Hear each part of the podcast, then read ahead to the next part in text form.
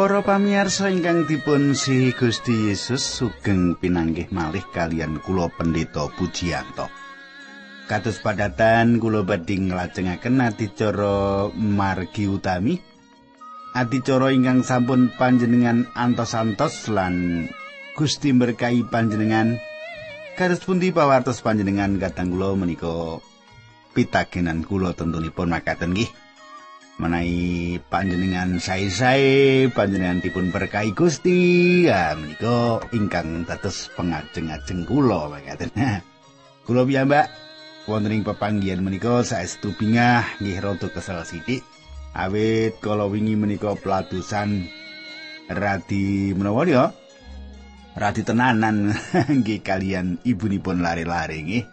Panjen ditimbali kanggo pelatusan pramila Yo kesel slimrah ngenanging kula puji Gusti samenika kula saged pinanggih kalian panjenengan. Monggo lenggah ingkang seketo sugeng midhangetaken.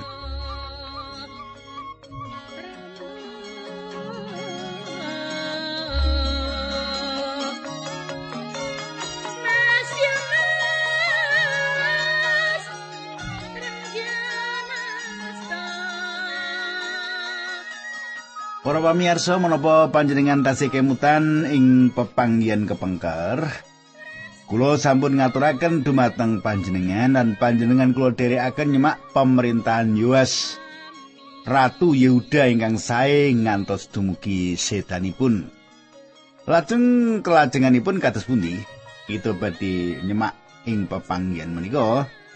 Nanging saderengipun menika kula badhe ngaturaken salam rumiyin Ora krasa kula saged pinanggih kalian Bapak Widodo nggih. Bapak Widodo kalian Ibu, wah kula saged moto nggih. Gambaripun sampun wonten. Nggih kula kula simpen nggih. Nah, mugi-mugi ing wanci menika sesarengan kalian kula nggih. Monggo kita tumungkul kita ndedonga nyuwun pimpinanipun Gusti.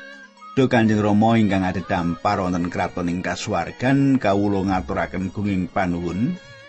Menawi wekdal menika kawula saged tetunggilan kalian sederek-sederek kawula. Menawi pepanggihan menika wonten ingkang sisah duh pangeran paduka lipur. Menawi wonten ingkang prihatos paduka paringi kegiatan. Duh pangeran Mboten wonten sares ingkang kula sambat sebuti rinten kalian dalu kajayu Gusti Allah. Wonten ing asmanipun Gusti kawula Yesus Kristus. Linambaran asma paduka kawula ndedonga. Haleluya. Amin.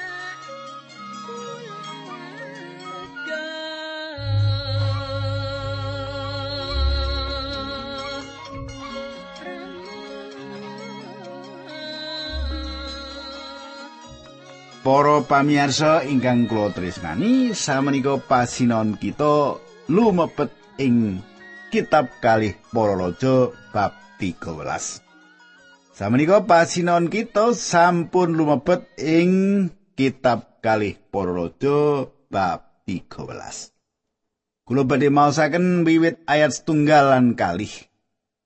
Nalika Yoas putrane Raja Ahasia jumeneng raja 13 taun ana ing Yehuda, Yoahas putrane Yehu wiwit jumeneng raja ing Israel dedalem ing Samaria lawasi jumeneng raja 17 taun. Kaya raja Yerobiam sing biyen uga jumeneng raja ing Israel, Yoas nglampahi dosa ing ngarsane Allah. Lan jalari wong Israel yo gawe dosa. Raja Yoas ora tau mertobat saka pendamele sing ala. Para pamirsa kula sikek semanten rumiyin samenika cobi kita renungaken pangandikan menika. Panjenengan pirsa bilih Yerobeam menika satunggalipun priyantun ingkang ngawontenaken pangibadah dumateng reca pedhet emas ing Israel. Yerobia menika ingkang kawitan pindah ingkang ngawontenaken pangibadah dumateng reca pedhet emas ing Israel.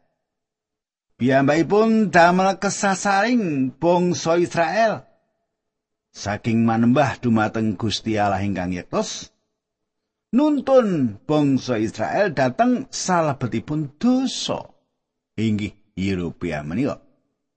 Ing wekdal Ahab lan Isabel minggah ing damparing keprabon, bangsa menika nindakaken pangibadah langkung saking menika. Samenika Sang Prabu Yoas kados bapakipun inggih menika Sang Prabu Yehu. Piyambakipun boten manembah dumateng Baal. Ugi boten dawah ing salebetipun dosa kados ingkang dipun tindakaken Ahab lan Isabel. Nanging piyambakipun nindakaken dosa kados ingkang dipun tindakaken Yerobeam. Awit dosa menika dipun tindakaken bangsa Israel, tundhonipun Gusti Allah ngidinaken Sang Raja Aram nyerang bangsa Israel. Kadang kula panjenengan saged sinau ing mriki. Ora nindakake dosa sijine ning nindakake dosa liyane. gitu. Padha wae dadi niki. Kaya Yoas niku wau gitu. Yoas ingkang pratingkahipun kados Yehu. Pancen piyambakipun boten nyembah Baal. Nanging piyambakipun nyembah pedet emas. Nah, menika Kula suwun panjenengan minangka jejere wong Kristen ampun ngoten. Wis nyang gereja ijik ngobong menyan umpamanipun nggih. Wis nyang gereja ya ijik menapa menika manembah karo roh-roh ning perapatan ning wit-wit gedhe nggih. Ampun wis wis ora jamani gitu. Kula lajengaken ayat 3 lan sekawan. Mulane Gusti Allah duka marang Israel mula ditegakake lan merambah-rambah ditelokake dening Hasael raja ing Syria lan Ben Hadad putrani. Raja Yoahas netungga marang Allah lan pandonga mau dipiyarsakake mergo Gusti Allah pirsa ambeksiane wong Syria anggone nindes wong Israel.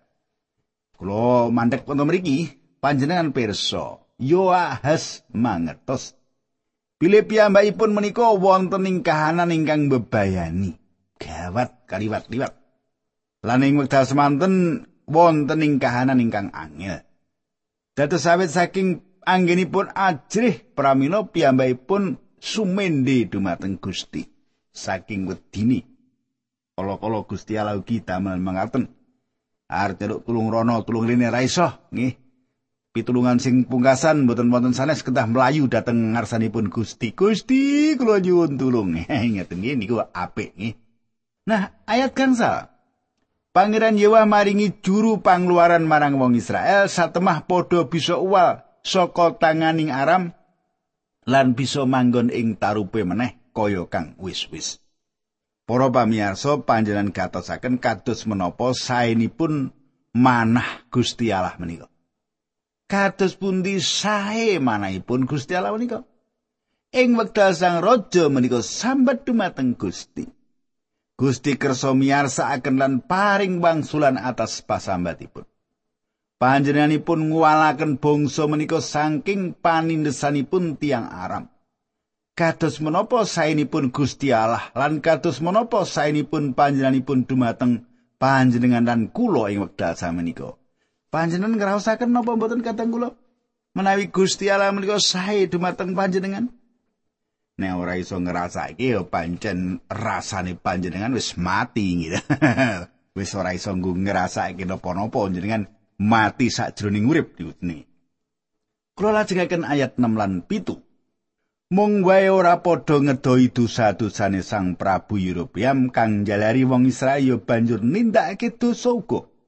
nanging terus wae anggone urip sajroning dosa kang mengkono iku. Reto asera uga isih tetep ana ing Samaria. Awit ora ana wadya bolo kang dikarekake marang Sang Prabu Yoahas, kejaba prajurit jaranan seket kang nunggang kereta 10 lan bolo daratan 10.000 amarga wis padha kasirnakake dening ratu ing Aram kaya tinindamoni bleduking panuton. Dumugi mriki Kadang kula kita ningali kasaenanipun Gusti wonten ing salebetipun gesang Yoahas. Sang raja sambat asmanipun Gusti lan Gusti paring wangsulan.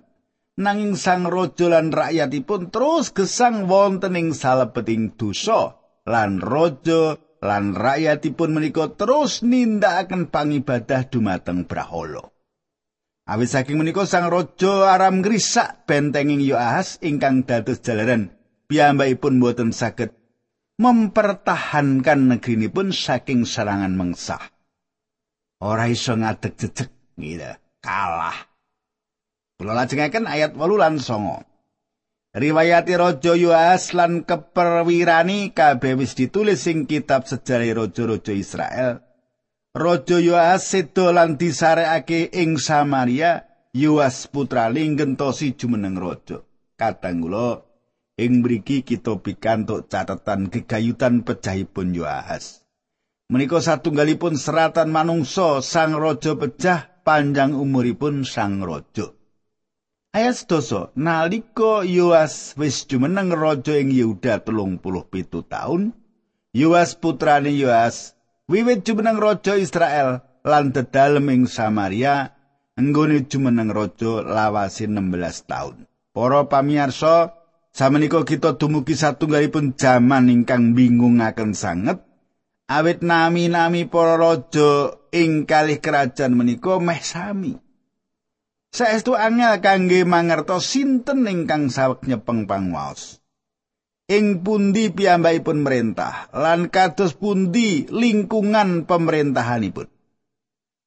Ayat 11. Yoasio nindakake piolo ing ngarsane Allah kaya pialane raja Yerobiam sing jalari wong Israel padha gawe dosa. Yerobiam ingkang dados ukuranipun. Ukuran dosa. Dosane apa wis padha ora karo Yerobeam gitu. Ing wekdal satunggalipun raja dosanipun ngantos sami kalian Yerobeam nyembah pedet mas. Pramila Gusti Allah badhe paring pahukuman. Diukum dening Gusti. Ing wekdal semanten Elisa nandang gerah. Hingga awis saking sakitipun menika dados jalaran piyambakipun tilar donya. Kadang kula samenika kalajengaken ayat 18 ing sawijining dina Nabi Elisa gerah sanget lan raja Yoas tuimrono bareng pirsa yen Elisa wis meh sedo raja Yoas muwun atur oh bapak pangayomanipun Israel ingkang sentosa. Para pamirsa Elisa sampun dados satunggalipun menara kegiatan kangge kerajaan ing sisih Elisa saestu migunani kangge dipun sang raja lan sang raja saestu prihatos ing wekdal mangertos sang nabi nandang sakit. Katang kula kula kemutan satunggalipun pesamuan ing wekdal pendetanipun dipundhut dening Gusti. Wah, pesamuan menika nangis ndrini. Oh, Pak Pendito, panjenengan menika dados kegiatan kula kathah ingkang panjenengan tindakaken kangge nglipur pasanipun Gusti lah kok panjenengan ditimbali Gusti kok sekecomen panjenengan nanging Keng nopo kok panjenengan kedah ngrumiyini kawula sami nggih ditangisi. Margo tresno, margo Bopo pendeta anggone nglayani sae sanget kebak kawigatosan dumateng para pesamuanipun. Nah kadang kula kita maos ayat kang 11. Pangandikaning Nabi Elisa kula aturi mundut gendewa lan panah. Raja Yoas nuli mundut gendewa lan panah. Para pamirsa. Ing wekdal sang raja nuweni ningali Elisa mboten purun nampi ngaten kemawon wujud kawigatosan lan kembang saking sang raja. Piyambakipun menika tasih dados jejering nabinipun Gusti Allah. Lan piyambakipun badhe ngaturaken menapa ingkang dados pangandikanipun Gusti Allah dumateng sang raja. Ayat 16 lan 17. Sang Prabu diaturi mapan kaya arep manah. Nabi Elisa banjur numpangake astane ana ing astane Sang Prabu. Sang Prabu banjur diaturi mbuka jendela sing ngadepake tanah Syria. Pangandikane Nabi Elisa kula aturi nglepas panahipun. Sang Prabu nglepas panahi, pangandikane Nabi Elisa inggih panjenengan menika panahipun Allah. Ingkang badhe nelokaken tiang Syria. Panjenengan badhe perang lawan tiang Syria ing Afek lan badhe unggul. Para pamirsa, Yoas mboten dados pangimut-imut gegayutan kalian imanipun. ora iso dadi wong sing eling. Wah, aku kelingan Sang Prabu Yoas awet imani mboten dados mekaten. Sinau piyambakipun nangisi nabi ingkang sampun wonten ing kahanan gawat. Piyambakipun sanes satunggalipun tokoh iman lan piyambakipun boten pitados. Bilih Gusti Allah badhe maringi kamimpangan atas Aram. Atas Syria. Nggih Aram menika sami kalian Syria nggih. Nah ayat 18 ngantos 19. Sang Prabu banjur diaturi Nabi Elisa mundut panah-panah liyani. Sawise mengkono banjur diaturi ngitikake panah-panah mau ana ing lemah. Sang Prabu yo banjur ngitikake panah-panah mau ana ing lemah rambah ping telu. Nabi Elisa tuko karo ngendika, mestinipun kedah panjenengan gitikaken kaping gangsal utawi kaping 6 supados panjenengan saged numpes bangsa Syria nanging samenika panjenengan namung badhe saged nelokaken kaping 3. Para pamirsa, awit juas mboten gadah iman yen Gusti Allah badhe ngwalaken piyambakipun. Piyambakipun kecalan semangat kanthi makaten patrapipun menika dados jalaran piyambakipun telo. Kadah proyek-proyek ingkang indah kunjuk Gusti Allah mboten nate dados kasunyatan awit satunggalipun putra Allah katempuh tiang ingkang lumawan utawi putranipun Allah kalau kecalan semangat gawe proyek ana sing nglawan wis nglokro gitu tiang menika pasrah lan sanjang wah proyek iki ora ana sajroning kersane Gusti Allah nggih inggih kados makaten menika patrapipun juas Piyambakipun namung nyerang kaping tiga kemawon. Jaman samenika kula ningali kathah iman ingkang ringkih. Tiang-tiang lenggah lan namung gadah pengajeng-ajeng kemawon. Tiang-tiang kala wau sanjang aku kepengin nindakake satunggaling prakara kanggo Gusti Allah. Lan salajengipun kula ningali tiang-tiang menika tetep lenggah kemawon ing mriku. Ora nindakake apa-apa lungguh wae. Ning kandhane arep nindakake perkara kang gedhe kanggo Gusti Allah. Ana proyek kanggo Gusti Allah. Ayo ayo ayo ayo gitu. Dilalah ana sing lumawan. Ora setuju. Ngene-ngene. Lajeng ngelok ora setuju. Wah, kok nindak ngene ora disengkuyung kok. Wah, ana sing ora setuju kok aku mah. gitu. Mboten buktekaken aku iso. Ya aku dikandi Gusti Allah. Utawi dereng napa-napa semangate wis ilang, gitu. Wis randi semangat meneh, nggih. Dadekke pemimpin ngoyo-yo wis ora tau nyang gereja pisan.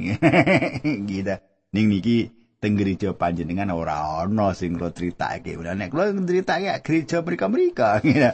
Para pamirsa, Gusti Allah ngersakaken panjenengan makarya sesarengan kalian panjenenganipun. Menawi panjenenganipun pitados dumateng Gusti Allah saged ngginakaken panjenengan. Monggo panjenengan sregep pakarya ing pakaryanipun Gusti nggih. Saniki kita lajengaken ayat kali dosa ngantos likur. Ora let Nabi Elisa banjur sedo sarta disarakake dek semono gerumbulan-gerumbulan Moab nyerang Israel setahun sepisan. Ing sawijining dina nalika ana wong Israel sawetara lagi ngubur jisim dumadakan weruh ana grumbulane wong Moab teka. Jisim mau inggal-inggal dilebokake ing pasarane Nabi Elisa banjur ditinggal mlayu. Nanging bareng nyinggul balung-balunge Nabi Elisa saralika urip meneh banjur ngadeg. Kadang kula ingkang kula tresnani malah ing wekdal Elisa sampun tilar donya mukjizat tasih dumados. Kados menapa ngidap-idapipun lan kiyatipun piyambakipun kangge bangsa menika. Ayat kali likur ngantos tiga likur. Selawase Yoas jumeneng raja ing Israel, Hasael raja ing Syria nindes bangsa Israel. Nanging Gusti Allah ora negake umat kagungani, umat mau nganti seprene ditresnani lan diberkahi, lan ora ditegake katumpes mulo ditulungi merga wis janji karo Abraham, Iskak lan Yakub. Kadang kula ing wekdal Gusti Allah sawek paring paukuman dumateng Israel kanthi pangucapipun Hasael. Panjenenganipun boten ngidinaken panindesan terus ngantos dangu. Ayat 24 ngantos lawe Hasae raja ing Syria Sido Ben Hadad putraning ngenteni dadi raja Yuas raja ing Israel ngalahake Ben Hadad rambah ping telu lan ngrebut meneh kutha-kutha sing biyen direbut dening Ben Hadad nalika Yoas ramane Yoas jumeneng raja ing Israel. Kanthi tembung sanes kados pundi kegayutan kalian imanipun kados makaten menika lumampah kangge piyambakipun kaping tiga Gusti Allah maringi kamimpangan dumateng piyambakipun. Samenika kita lumebet ing kalih raja-raja kawan welas. Nggih, kalih raja-raja kitab kalih raja-raja bab kawan welas kula wasaken ayat setunggal rumiyin. Nalika Yoas putrane raja Yoas nggone jumeneng raja ing Israel nyandak rong taune, Amasia putrane Yoas jumeneng raja ing Yehuda. Panjenengan semak kasunyatan bilih wonten kalih raja ingkang gadah nami ingkang sami inggih menika kula aturaken saestu-estu bingungaken. Ayat kalih Nalika semono Yuswane selawe taun lan nggone jumeneng raja ana Yerusalem lawase 29 taun, ibune asmane Yoadan saka Yerusalem. Para pamirsa, para ibu saking raja-raja menika badhe nampi pikurmatan menawi lare-larenipun dados raja ingkang sae lan dipunanggep lepat menawi lare-lare menika dados raja-raja ingkang awon menika. Amasya inggih menika dados raja ingkang sae. Ayat 3. Amasya tumindai gawe renaning penggali pengiran nanging ora kaya Daud leluhure mergo ngemperi ramani. Kadang kula Amasya larenipun Yuas minggah ing dampar Yehuda lan piyambakipun nindakaken menapa ingkang sae ngarsanipun Gusti sinaosa piyambakipun gagal gesang kados dene Daud. Ayat 18 ngantos likur bab kawan las. Wasana ing Yerusalem ana komplotan sing arep nyedani Raja Amasya. Mulane Raja Amasya banjur ngungsi menyang Lakis nanging dioyak dening mungsuhe lan dicekel ana ing kono sarta disedani. Layone digawa mulih menyang Yerusalem sarta disarakake ana ing pesarane raja-raja ing kutane Daud. Rakyat ing Yuda banjur ngangkat usia putrane Amasia jumeneng raja nalika semono usia yuswane 16 taun. Lelakone raja Amasia liya-liyane wis katulis ing kitab sejarah raja-raja Yehuda. Ayat kali likur, sapungkure Amasia, kutha Elia direbut meneh dening usia lan dibangun. Kateng kula, Amasya nglolosaken diri dhateng Lakis ing pundi wonten benteng ingkang saged dados pangayomanipun. Nyisi tiang-tiang ingkang ngawontenaken pasekuton. Ayat 33 ngantos ayat 20 makaten. Nalika Amasya putrane Yoas nggone jumeneng raja ing Yehuda nyandak 15 taun, Yerobiam loro putrane Yoas wiwit jumeneng raja ing Israel lan nggone jumeneng raja suwene 41 taun daleme ing Samaria. Yerobiam kalih gawe dosa ing ngarsane Allah mergo nglampahi pialane raja Yerobiam sepisan sing jalari wong Israel ya dadi dosa. Daerah Israel kabeh direbut meneh dening Yerobiam kalih wiwit saka dalan menyang Hamat sisi lor nganti tekan segoro mati kuwi cocok karo janjine pangeran Allah Israel lantaran Nabi Yunus bin Amitai wong Gad Heber. Para pamirsa, Yerobiam nindakaken piyawon manut pamirsanipun Gusti nanging piyambakipun ngrebut malih wates negari Israel. Menika neguhaken kasunyatan bilih Yunus saestu-estu wonten lan dados nabi ing Israel. Tundhonipun Yerobiam kalih pecah lan Sakaria minggah dampar keprabon samenika kita lumebet kalih para raja 15. Kula wasaken ayat setunggal ngantos kawan. Nalika raja Yerobiam kalih nggone jumeneng raja ing Israel nyandak pitulikur taun usia putrane Amasya jumeneng raja ing Yehuda. Nalika semono usia yuswane 16 taun nggone jumeneng raja ing Yerusalem lawase 50 taun. Asmane ibune Yekolya saka Yerusalem. Ora beda karo ramane usia yo gawe renane penggalia pangeran, mung emane usia orang gempur papan-papan panyembahane para dewa, mulane rakyat tetep gawe korban lan ngobong menyang ana ing kono. Kadang kula Ing salebetipun kata perkawis Asaraya utawi usia inggih menika satunggalipun raja ingkang sae. Nanging piyambakipun nindakaken satunggalipun perkawis ingkang kedahipun boten dipun tindakaken. Lumebet ing papan nyambut damelipun imam. Kegayutan patrapipun menika piyambakipun dipun ajar penyakit kusta. Panjenengan saged pangaos kali babat 16 ayat kang 11 ngantos likur. Menapa ingkang dipun tindakaken menika ngejur manahipun Yesaya ing wekdal piyambakipun pecah awit Yesaya ajrih dumateng ingkang gantos Asaria badhe mimpin bangsa menika malih dumateng pangibadah ingkang tumuju dumateng Brahala. Raos ajrihipun Yesaya wonten sebabipun awit wayahipun Asaria nindakaken perkawis menika. Kadang kula ing Israel Zakaria garis turun pungkasan Yehu dipun pejahi dening Salom sesampunipun piyambakipun nyepeng pusaraning projo 6 bulan. Salom ugi mboten langkung sae. Piyambakipun nyepeng pangwas namung setunggal wulan. Lan dipun pejahi dening Manahem. Manahem nyepeng pangwas sadangunipun sedasa taun lan nindakaken menapa ingkang awon kados ingkang dipun tindakaken Yerobeam. Ing wekdal menika Pul Raja Asur nyerang Israel lan Manahem bayar sewu talenta perak kangge ngayomi negerinipun. Menika satunggalipun jaman pepeteng kanginipun bangsa menika. Eweda piyambakipun tilar donya larinipun Pekahya ngentosi nanging anggenipun nyepeng pangwas namung kalih taun Eweda Pekah perwiranipun sekuton lan mejahi piyambakipun. Ing jaman pemerintahan Pekah Tiglat Pileser Raja Asur nyerang Israel lan andadosaken kawula taler Naptali Pekah dipun pejahi dening Hosea Yotam nyepeng pangwas ing Yehuda lan misuwur dados raja ingkang sae. Ayat 3 Nalika semono Yotam yuswane selawe taun dedalem ing Yerusalem, nggone jumeneng raja suwene 16 taun ibune asma Yerusa, putrani Sadok. Kadang kula piyambakipun dipun anggap minangka raja ingkang sae lan Gusti nyerat nami ibunipun. Ayat 3 sekawan lan 3 gangsa Yotam nindakake perkara sing bener lan gawe renane penggalihe pangeran kaya usia ramani. Mongimane papan-papan panyembahe dewa-dewa ora digempur, Mula rakyat terus wae gawe kurban lan ngobong menyan ana ing kono. Yotam kuwi raja sing bangun gapurane pedalemane Allah sing sisi lor. Kadang kula piyambakipun ugi ngejaraken pangibadah dumateng Brahala ingkang tundhonipun bangsanipun dipun kintun dhateng pambujalan. Kadang kula monggo kita tumungkul kita ndedonga. Duh Kanjeng Rama ing swarga kawula ngaturaken gunging panuwun menawi dalem kawula saged tetunggilan lan matur nuwun berkah paduka dinten menika. Haleluya. Amin.